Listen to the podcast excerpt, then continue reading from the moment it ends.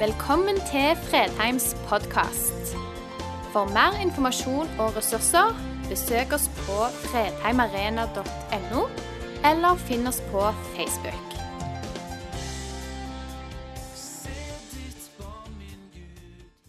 Jeg vet ikke hvilket gudsbilde du har.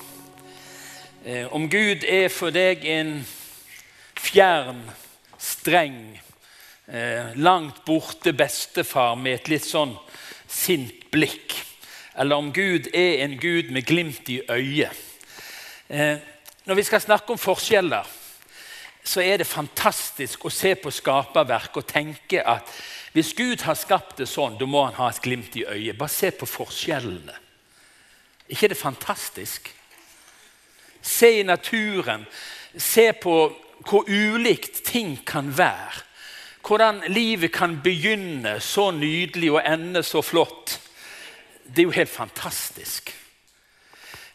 Jeg, jeg ser for meg en Gud som har hatt det fantastisk spennende når han skapte.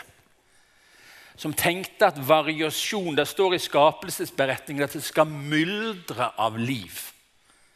Og Hadde vi tatt en runde bare sett litt på hverandre, så kunne vi gjerne trukket litt på smilebåndet.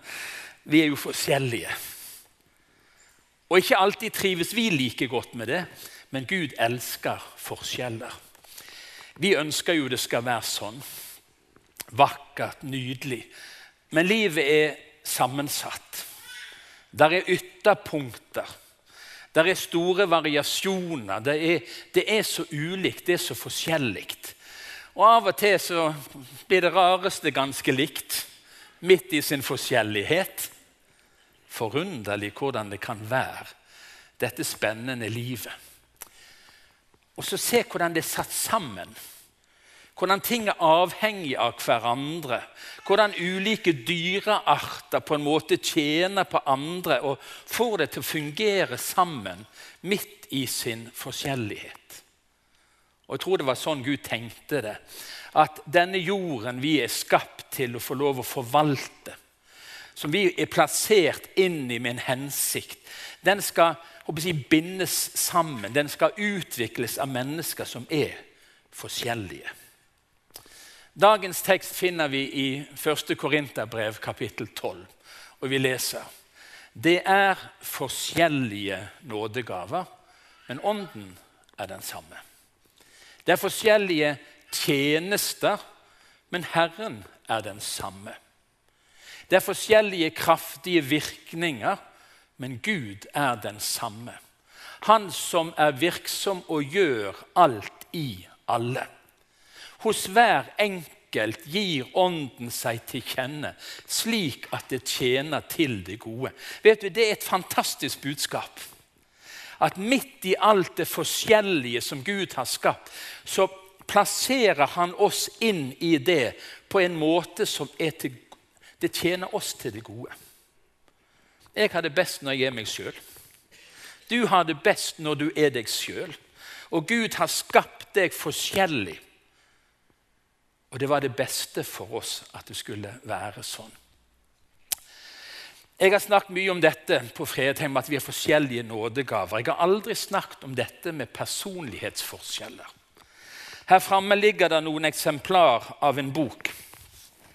Jeg våger å påstå at det var fjorårets mest provoserende boktittel. I alle fall på en kristen bok. Hans Eskil Vigdel, som dere skal få se et langt intervju med øyeblikk, han skrev en bok, og tittelen er 'Ingen introverte i himmelen. Ok, folkens, Hvordan har du det da? Er det noen av dere som er litt innadvendte, litt forsiktige? Det er ikke plass i himmelen for dere, ifølge tittelen til Hans Eskil. Og så handler boken om noe helt annet. Og Nå skal dere få lov å møte han i et intervju, så sett dere godt ned og følg med. Hvis teknikken virker, så kommer det.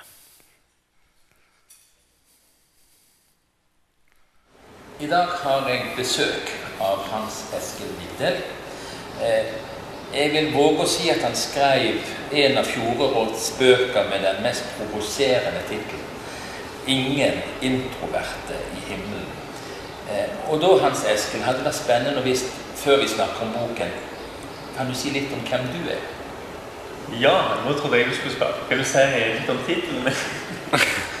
Nei, ja, jeg skal fortelle litt om eh, hvem jeg er. Jeg er eh, Hans Eskil Vigde fra Randaberg. Født i 1980. Så får dere regne ut hvor gammel jeg er. Um, jeg har, bor nå eh, med min kone på Sandnes, eh, på Stangeland. Vi har jenta på halvannet år snart. Og jeg har gått på jeg har mastergrad i eh, diakoni fra MF.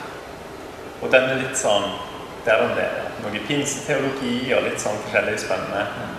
Um, og jeg har eh, skrevet altså denne boka, og boka er på en måte ja, triss av min tros- og livshistorie. Sånn som jeg leser boken, som jeg virkelig vil anbefale folk å lese, så handler det i stor grad om forskjeller. Er jeg på sporet av, av noe da? Vi har jo alle fingeravtrykk. Vi skal ikke rekke fing. Vi har alle fingeravtrykk som er unikt. Det er jo ingen som har gått rundt til de syv milliardene og sjekka alles fingeravtrykk. Men det er det vi vet ut fra ja, biologien. Har et unikt fingeravtrykk. Og det er jo fantastisk. Det pleier jeg å fortelle til mine til konfirmantene i Sola menighet. Jeg jobber i Sola menighet, det er helt jeg å si, som ungdomsdiakon. Og da ser jeg for meg kan, kan høres kanskje litt banalt ut, men jeg ser for meg at på samme måte som vi har ytre fingeravtrykk, så har vi sånn indre fingeravtrykk som ikke kan fanges i eh, Myers-Briggs-type teori, altså personlighetsteorier eller The Big Five eller sånne ting. Men det kan hjelpe oss noe på veien å forstå eh, forskjeller det er et sånt hovedtema som gjenspeiles her i tittelen 'Ingen introverte'. Du skriver om introverte, ekstroverte. Mm. Gjerne mer i dagligtale innadvendte, utadvendte. Mm. Eh, hva, kan du kort si noe hva er forskjellen på det du beskriver som en innadvendt, en introvert en utadvendt, ekstrovert person? Ja.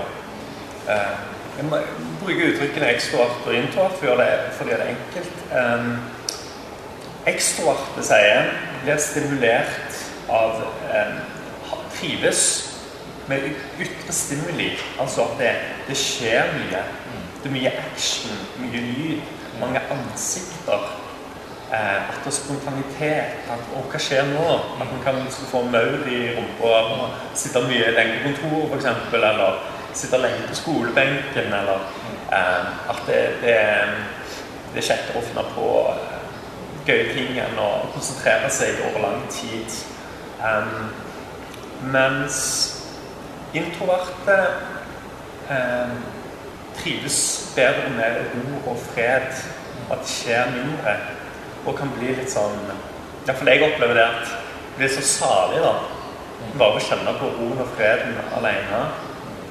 Um, og Introverten trives gjerne med mer én-til-én-samtaler istedenfor å være i større grupper og sånn. Og um, trives med å konsentrere seg om én ting om gangen. Um, jeg husker i en terapitime så spurte terapeuten Kanskje du er introvert? Jeg har tenkt mye på det i årets løp. Nei, jeg er ikke introvert. Jeg liker jo folk. Mm. Um, men, eh, og jeg, måtte, jeg leste mye om det sånn og så at oi, ja, jeg er nok introvert. Iallfall mer introvert enn ekstrovert. Men jeg likte det ikke. Jeg måtte liksom jobbe med det for å godta det. og sånn. Og når jeg har så mye motstand mot det, så jeg jo, har jeg jo en tanke om eh, en idé om at sånn er det for mange. Men jeg tror at sannheten setter fri. Um, og um, ja. Nå nevnte du spesielt én bevegelse, men i boken så, så, går det fram at du nok mener at de fleste kristne mm. miljø eh, i større grad dyrker det ekstroverte, framelsker det utadvendte, oppfordrer mm. til ta kontakt, ja. eh, å trø fram. Og, og, og, vi gjenkjenner jo det fra vårt eget miljø, vårt eget fellesskap. at jeg tror nok vi hvordan opplever mennesker som da ikke har den styrken, eller den personligheten, for det er ikke styrke og svakhet, men mm. hvordan oppleves det å være introvert i et miljø som stadig pusher? ja, det kan jo oppleves Det kan oppstå et utenforskap, det kan oppleves fremmedgjørende.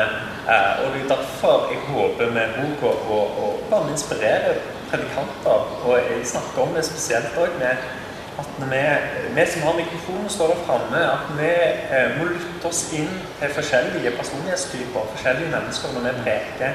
Det er ikke bare eksempler fra, fra, fra mitt liv, men, men tenke på min ekstroverte kompis f.eks., eller mennesker som er i andre typer utenforskap. Det kan være sykdom, det kan gjelde mange ting når vi står med mikrofonen. Så det er ikke sikkert det er så mye som skal til. Eh, og eh, jeg tenker at det viktigste er at vi snakker om det og får en eh, bevissthet om det. Og eh, mange introverte Det er jo ikke at vi er usosiale eller sånne ting, men det er noe med at det går mer på, på energien løs. Vi sitter i foajeen eh, på Fredheim Arena. Mm.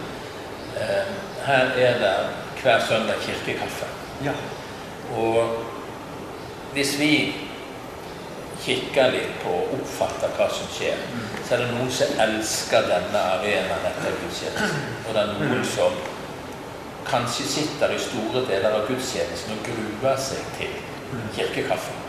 Fordi det forventes at de skal være sosiale, de skal kunne eh, beherske smalltalk, ta kontakt. Eh, og når jeg leste boken, så, så ble det litt en aha-opplevelse av at det er nok ikke alle som trives så godt. Og det handler ikke bare om de som sitter og lytter, men du nevner jo en del ledere òg som ikke trives så godt i denne. Eh, hva vil du si til disse som kjenner at den arenaen her er krevende? Ja, jeg vil si eh, til de som opplever det krevende så vil jeg si at Det kan være mange ting som gjør at de opplever det sånn. Det kan være en personlighet å gjøre, men det kan være redsel som går på ting som kanskje hun skulle hatt en god samtalepartner. På den området kan være ting for barndommen, kan være altså, støy, da, psykisk Det var mange ting. Men la oss eh, gå tilbake til dette med personlighet. Eh, jeg vil si at eh, ta, ta deg sjøl på alvor. Ta de reaksjonene på alvor. Eh, les, les gjerne boken, men, men det, det, er noe med eierskap til hvordan en opplever verden. Selv om en opplever at det er en, avstand fra idealene som blir presentert. Og kanskje, jeg tror når flere gjør det, så vil en oppleve et større, et mer mangfoldig eh, fellesskap. Når flere tar eierskap til sin personlighet og, og sin, sin, historie. Tar det på alvor. Tematikken for preken denne søndagen på fredag er at Gud elsker forskjeller. Mm. Opplever du at vi som er kristne menigheter og, og ledere, virkelig elsker forskjeller? Nei. Jeg gjør, jeg gjør, egentlig ikke det, og jeg lurer på sjøl om jeg gjør det. For... I dag har jeg besøk av Hans Eskil Vigdel. Eh, det er spennende å slippe til noen som har arbeida med det. Og For meg ble det å lese boken en smertefull erfaring. Fordi som leder i 40 år så har jeg sett mange mennesker som ikke trives på samme måte som jeg gjør det. Og så har vi ofte framelska mennesker som er litt sånn framoverlente og utadvendte, som vi kaller det. Og så er det mennesker som kjenner at dette fellesskapet rommer ikke meg. Der er ikke samme plass for min personlighet, for min måte å være på, for forventningene legges på en bestemt mennesketype. Og Jeg har brukt en god del timer på dette, så har jeg lurt på skal jeg rett og slett be om, om tilgivelse. Må vi rett og slett, altså Politikere gjør det jo sånn hvis noen har oppfatta meg sånn, så, så beklager jeg det. Men jeg kjente en sånn om vi som kristne ledere rett og slett har ubevisst skjøvet mennesker ut som Gud ønsker inn, fordi vi makter ikke å romme forskjellene i våre personligheter. Jeg fordrar ikke foajeen etter gudstjenesten. Nå kommer en bekjennelse. Jeg kunne aller helst tenkt meg å gått inn på kontoret og låst døren og vært alene. Jeg syns det er fysisk og psykisk krevende å gå ut herfra og smile og hilse sånn som det forventes. Jeg kjenner det er en overvinnelse hver eneste gang. Å prøve å gå bort til noen nye mennesker eller noen som jeg ikke har sett på en stund, og si 'Var kjekt å se deg. Har jeg sett deg før? Jeg har gått der i to år', sier de. Og da er det ikke så kjekt alltid. Men det er ganske krevende. Og vi er ofte mer sammensatte som personer. Vi er ikke kanskje i ytterpunkten ekstrovert, introvert. Av og til er vi midt imellom. Og det er ulike arenaer som trigger oss på forskjellige måter. Men jeg har lyst til å si det så sterkt jeg kan. Gud elsker forskjeller. Og vår oppgave blir å elske det Gud elsker. Vi har et Bibels persongalleri, og vi tenker at Moses han har vært utadvendt og ekstrovert mer enn noen. Han leder hele israelsfolket. Men han steilte når Gud kalte han til å gå. Jeg kan jo ikke snakke for meg, du kan jo ikke bruke meg. Altså Han som vi på en måte ser som lederen i Det gamle testamentet. Han møter Gud med et hav av innvendinger. Seen er min munn, og seen er min tunge. Jeg kan jo ikke får et bilde av en annen person. Og så ender det opp med at han sier, 'Gud, kan ikke du sende en annen?' Og Så kommer det en annen person på banen. Han er flink til å tale, sier Gud om broren. Og så Nå skal dere to få jobbe sammen. Han som opplevde det vanskelig å stå fram og tale. Han ble satt sammen med en som hadde ordet i sin makt. Og sammen skulle de to lede folket. En nydelig person finner vi i Apostelens gjerninger kapittel 4. Josef, en levitt fra Kypros, ble apostelen også kalt Barnabas. Det betyr trøstens sønn. Det var han som tok Paulus med seg inn og gjorde han på en måte stuerein i denne urkirken i Jerusalem. En med en helt annen personlighet. En som kanskje var mer forsiktig på egne vegne, men som så andre og som var i stand til å fange opp en nyomvendt ja, Paulus og få han inn i fellesskapet. Forskjellene gjorde det til en styrke. Efeserbrevet kapittel 4 sier det på denne måten. Det var han som ga noen til å være apostler, noen til profeter, noen til evangelister, noen til hyrder og lærere, for å utruste de hellige til tjeneste så Kristi kropp bygges opp. Og Nå skal vi dette er ikke bibelutleggelse, dette er tekstinnleggelse. Hvor mange lærere er det her inne? Opp med en hånd. Nå skal jeg fornærme dere skikkelig. skikkelig. Lærere er en pest og en plage for meg. De er så opptatt av detaljer. De skal vite alt om alle ting. I de årene jeg solgte forsikring, så jobbet jeg mye med lærerlaget. Og det var ingen som brukte mer tid til å diskutere ned på detaljnivå hva som var Jeg tenkte, Skal du ha det, eller skal du ikke ha det? Kan vi skrive kontrakt eller ikke med lærerne? Bladd opp i Jeg har ikke fått svar på det. Jeg, ikke, jeg overdriver litt. sant? Jeg sa Men vi er forskjellige som personligheter. De som har mer en sånn apostolisk gründer Og nå snakker ikke vi om apostler som har, er de grunnleggende i Skriften. Men de er opptatt av det store bildet. Hater detaljer. Kunne ikke tenke seg å grave seg ned i detaljer, men de vil opp og fram og ser mulighetene der framme. Og så kommer det en hyrde, og så kommer han legge armen rundt en skulder. Hvordan har du det? Bryr seg om den ene. Er ikke det nydelig at vi er forskjellige? Så kommer evangelistene, selgerne på en måte. Og de, de, kan liksom bare ikke stå i ro og få lov å presentere og fortelle hvor flott det med Jesus er. Og så er det helt andre typer.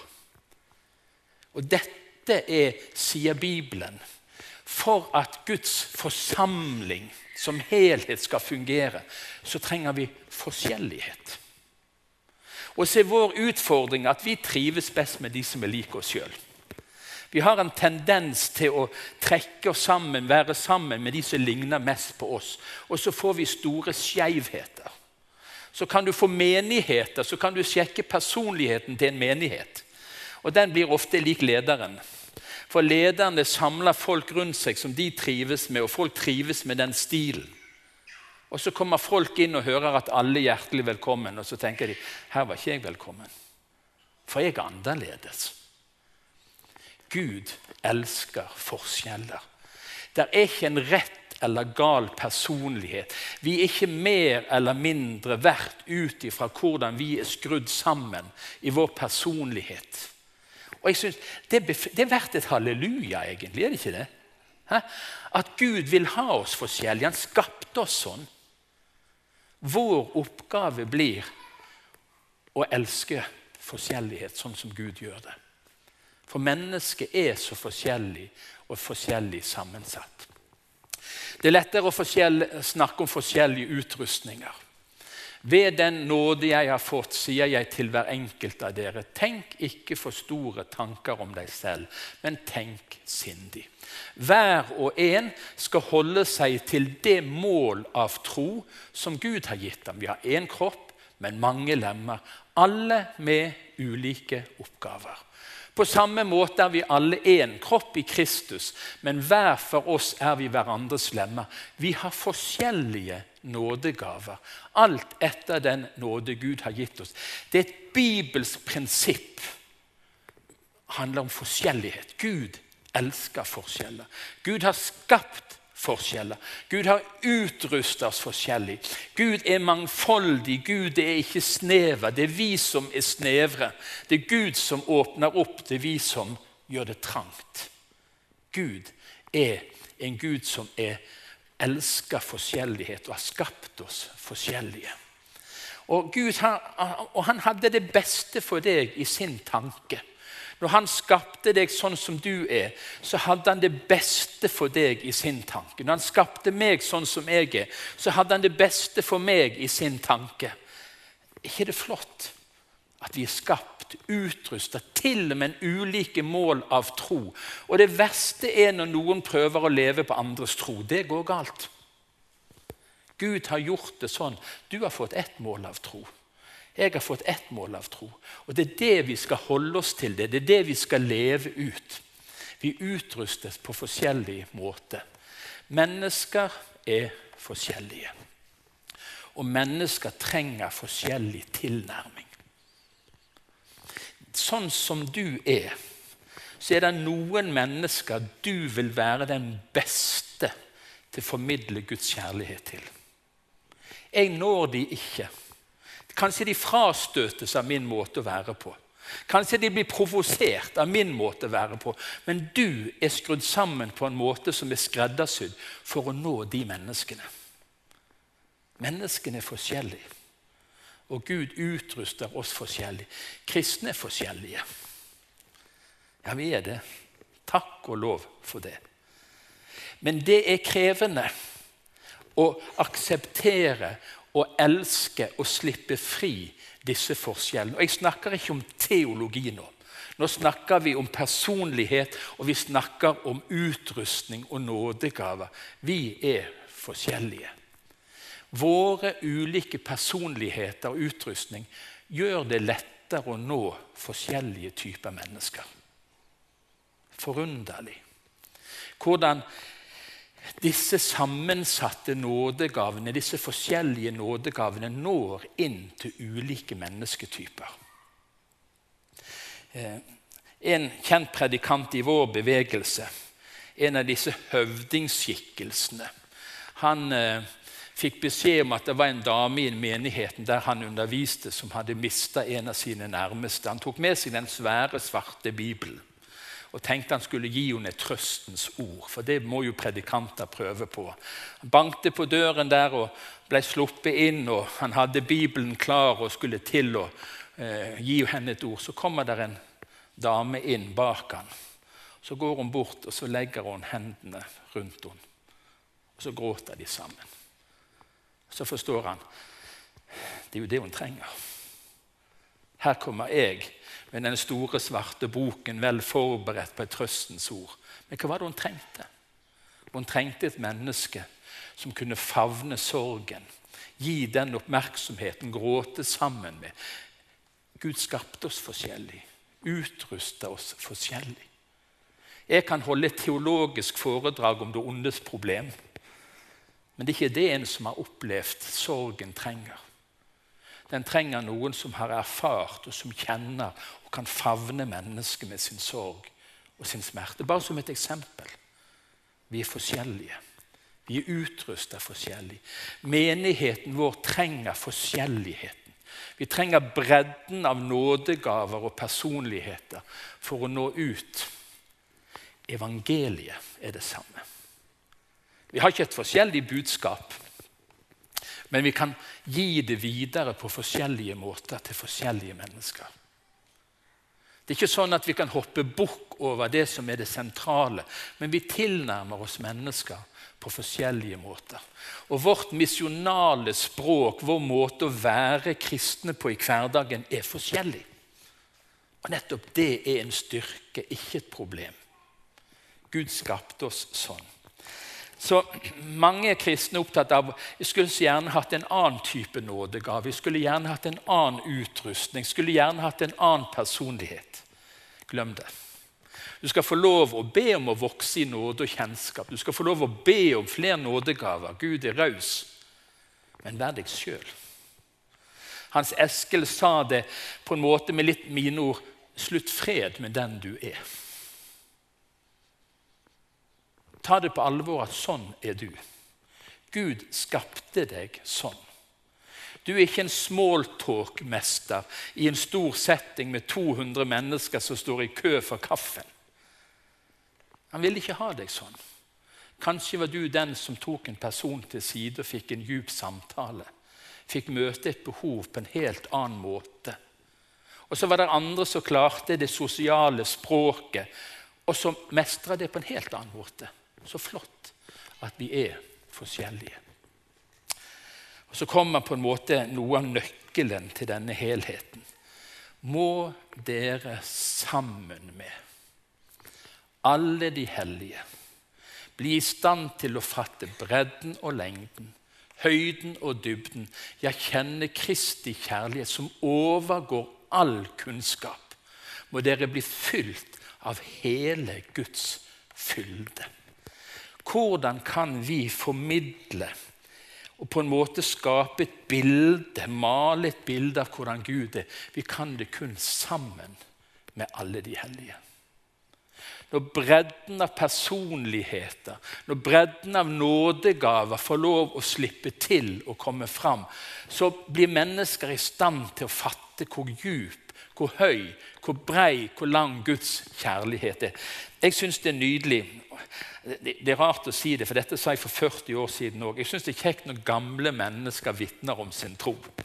Altså, jeg er jo blant de sjøl, men med folk på 80-90 år så kan de fortelle om Guds trofasthet gjennom et langt, langt, langt, langt liv. De forteller om lengden.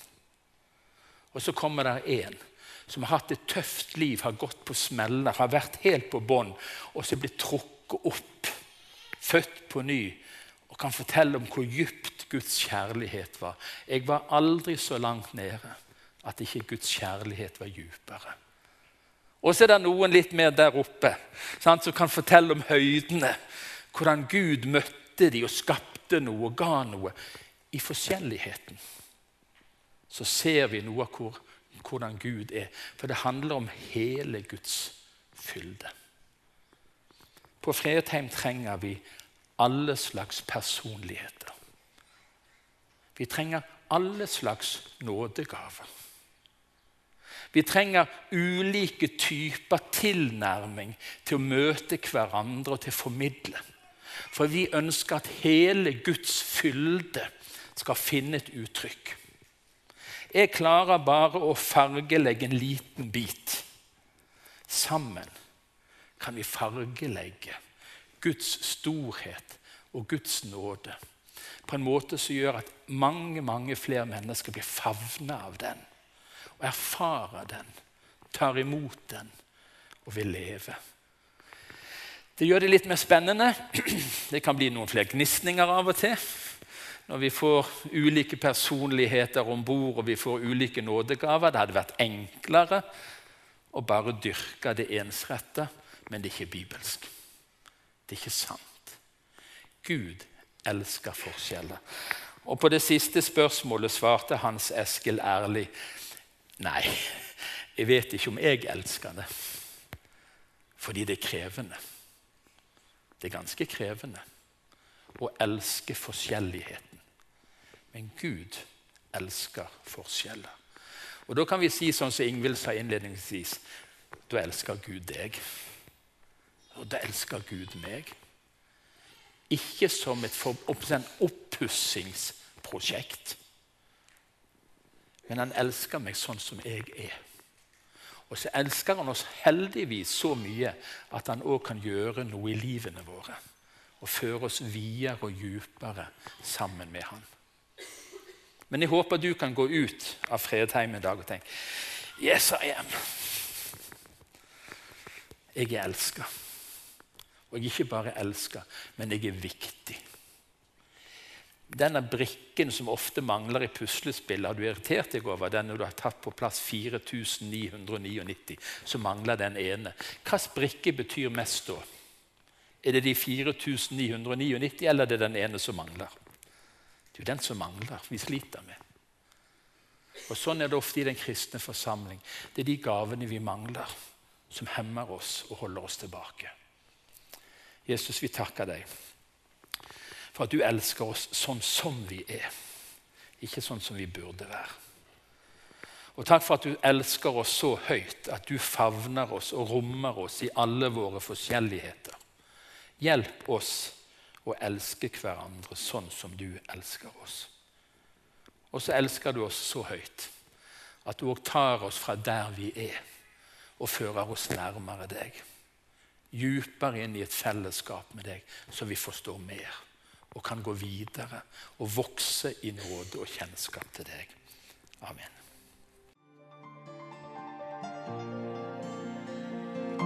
Takk for at du valgte å høre på. Nye opptak legges ut hver uke. Vi har gudstjenester hver helg, og du er hjertelig velkommen.